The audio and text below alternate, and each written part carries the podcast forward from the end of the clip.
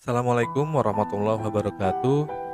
Kalau ngobrolin kisah cinta keluarga Nabi, biasanya kita ngobrolin kisah cintanya Fatimah dengan Ali bin Abi Thalib. Padahal sebetulnya ada kisah cinta lain yang juga tidak kalah mengharukan dan bahkan penuh dengan perjuangan. Dan kisah itu milik Zainab putri sulung uh, Rasulullah. Zainab sendiri menikah dengan Abu Al-As bin Rabi, putra Halah adiknya Siti Khadijah sebelum Nabi Muhammad mendapatkan risalah Islam. Ketika risalah Islam itu datang, Abu Al-As bin Rabi adalah satu-satunya menantu Nabi yang tidak membenarkan dan tidak bersyahadat. Tetapi karena pada saat itu belum ada larangan pernikahan beda agama, maka pernikahan antara Zainab dengan Abu Al-As tetap berlangsung seperti sedia kala. Nah, keadaan menjadi sulit ketika Rasulullah dan para sahabat uh, terpaksa harus berhijrah ke Madinah. Zainab kemudian menjadi satu-satunya putri Nabi yang tinggal di Mekah bersama suami dan putrinya Umamah. Keadaan makin tambah pelik ketika kemudian terjadi perang Badar antara kaum Muslim di Madinah dengan uh, kaum Quraisy di Mekah. Abu Al-As termasuk orang yang terpaksa ikut berperang, walaupun sebetulnya hati kecilnya menolak. Bagaimanapun uh, dia sangat menghormati Nabi sebagai mertuanya dan sangat menyayangi Zainab istrinya. Tetapi karena dia adalah bagian dari suku Quraisy maka dia punya kewajiban untuk ikut uh, berpartisipasi aktif uh, dalam perang yang dilaksanakan oleh Quraisy. Sehingga pergilah Abu Al-As uh, berperang uh, dan sialnya kemudian Abu Al-As uh, menjadi tawanan pasukan muslim pasca perang. Ketika Zainab mendengar bahwa suaminya ditawan, uh, Zainab sedih. Dia kemudian uh, mengirimkan satu-satunya benda paling berharga yang dia miliki, yaitu kalung bermata onyx hadiah pernikahan dari ibunya Siti Khadijah. Ketika Nabi Muhammad melihat kalung itu, uh, beliau menangis. Beliau kemudian membebaskan Abu Al-As uh, dengan syarat uh, Zainab diantarkan ke Madinah. Nah, perlu beberapa waktu sampai akhirnya kemudian persiapan proses pengantaran Zainab selesai. Percobaan pertama gagal karena Zainab keguguran akibat teror dari kaum Quraisy. Tetapi pada percobaan kedua, Zainab dan Umama berhasil tiba di Madinah uh, dengan bantuan uh, oleh Kinana dan kemudian dijemput oleh Zaid bin Harisah di tengah jalan. Terpisahlah Zainab, Umama dengan Abu Al-As. Tiga tahun kemudian, Abu Al-As memimpin kafilah dagang yang melewati Madinah, tetapi karena suasana masih uh, tegang antara Muslim dengan kaum Quraisy, maka kafilah dagang Abu Al-As ini dirampas oleh sebagian kaum Muslim. Abu Al-As kemudian uh, datang ke Madinah untuk mengambil kembali barang dagangannya dan menyelinap masuk ke rumah Zainab untuk meminta perlindungan. Ketika Nabi tahu bahwa Abu Al-As ada di rumah Zainab, Nabi bilang kepada Zainab uh, bahwa beliau bahwa Zainab harus memuliakan Abu Al-As hanya sebagai tamu, tidak lebih, karena lelaki itu kata Nabi hanya datang untuk mengambil barang dagangannya.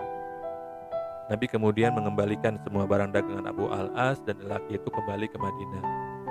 Tapi benarkah bahwa Abu Al-As ini hanya datang ke Madinah semata untuk mengambil barang dagangannya? Apakah memang sudah tidak ada lagi perasaan apa pun uh, di hati Abu Al-As kepada Zainab dan kepada putrinya Umama dan ternyata kemudian Abu Al-As punya misi terselubung. Sesampainya di Mekah Abu Al-As mengembalikan barang dagangan para investor dan kemudian bersyahadat di hadapan orang-orang. Sesungguhnya kata Abu Al-As tidak ada yang menghalangiku masuk Islam di tempat Muhammad kecuali karena aku takut kalian akan menyangka aku ingin memakan harta kalian. Abu Al-As kemudian kembali ke Madinah dan Nabi melanggengkan pernikahannya dengan Zainab di dalam Islam. Assalamualaikum warahmatullahi wabarakatuh. Kalau ngobrolin kisah cinta keluarga Nabi, biasanya kita ngobrolin kisah cintanya Fatimah dengan Ali bin Abi Thalib.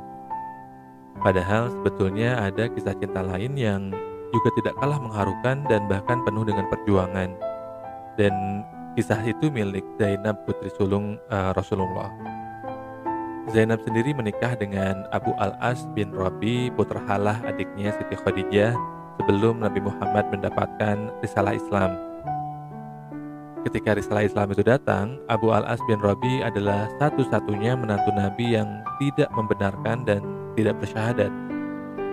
Tetapi karena pada saat itu belum ada larangan pernikahan beda agama, maka pernikahan antara Zainab dengan Abu Al-As tetap berlangsung seperti sedia kala. Nah, keadaan menjadi sulit ketika Rasulullah dan para sahabat uh, terpaksa harus berhijrah ke Madinah.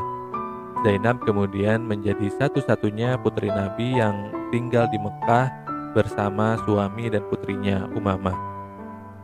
Keadaan makin tambah pelik ketika kemudian terjadi perang Badar antara kaum Muslim di Madinah dengan uh, kaum Quraisy di Mekah. Abu Al-As termasuk orang yang terpaksa ikut berperang, walaupun sebetulnya hati kecilnya menolak. Bagaimanapun uh, dia sangat menghormati Nabi sebagai mertuanya dan sangat menyayangi Zainab istrinya. Tetapi karena dia adalah bagian dari suku Quraisy, maka dia punya kewajiban untuk ikut uh, berpartisipasi aktif uh, dalam perang yang dilaksanakan oleh Quraisy. Sehingga pergilah Abu Al-As uh, berperang uh, dan sialnya kemudian Abu Al-As uh, menjadi tawanan pasukan muslim pasca perang. Ketika Zainab mendengar bahwa suaminya ditawan, uh, Zainab sedih. Dia kemudian uh, mengirimkan satu-satunya benda paling berharga yang dia miliki, yaitu kalung bermata onyx hadiah pernikahan dari ibunya Siti Khadijah. Ketika Nabi Muhammad melihat kalung itu, uh, beliau menangis. Beliau kemudian membebaskan Abu Al-As uh, dengan syarat uh, Zainab diantarkan ke Madinah. Nah, perlu beberapa waktu sampai akhirnya kemudian persiapan proses pengantaran Zainab selesai. Percobaan pertama gagal karena Zainab keguguran akibat teror dari kaum Quraisy. Tetapi pada percobaan kedua, Zainab dan Umama berhasil tiba di Madinah uh, dengan bantuan uh, oleh Kinana dan kemudian dijemput oleh Zaid bin Harisah di tengah jalan. Terpisahlah Zainab, Umama dengan Abu Al-Az.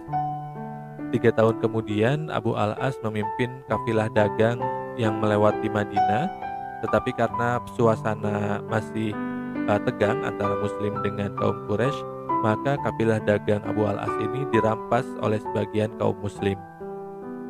Abu Al-As kemudian uh, datang ke Madinah untuk mengambil kembali barang dagangannya dan menyelinap masuk ke rumah Zainab untuk meminta perlindungan.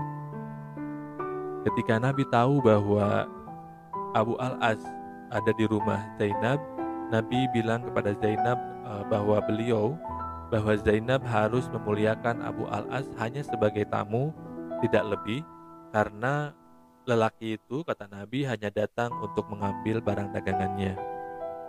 Nabi kemudian mengembalikan semua barang dagangan Abu Al-As dan lelaki itu kembali ke Madinah.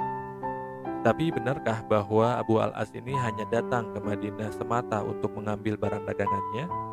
apakah memang sudah tidak ada lagi perasaan apa pun uh, di hati Abu Al-As kepada Zainab dan kepada putrinya Umama dan ternyata kemudian Abu Al-As punya misi terselubung.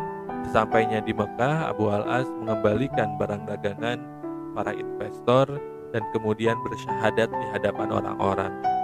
Sesungguhnya kata Abu Al-As tidak ada yang menghalangiku masuk Islam di tempat Muhammad kecuali karena aku takut kalian akan menyangka aku ingin memakan harta kalian. Abu Al-As kemudian kembali ke Madinah dan Nabi melanggengkan pernikahannya dengan Zainab di dalam Islam.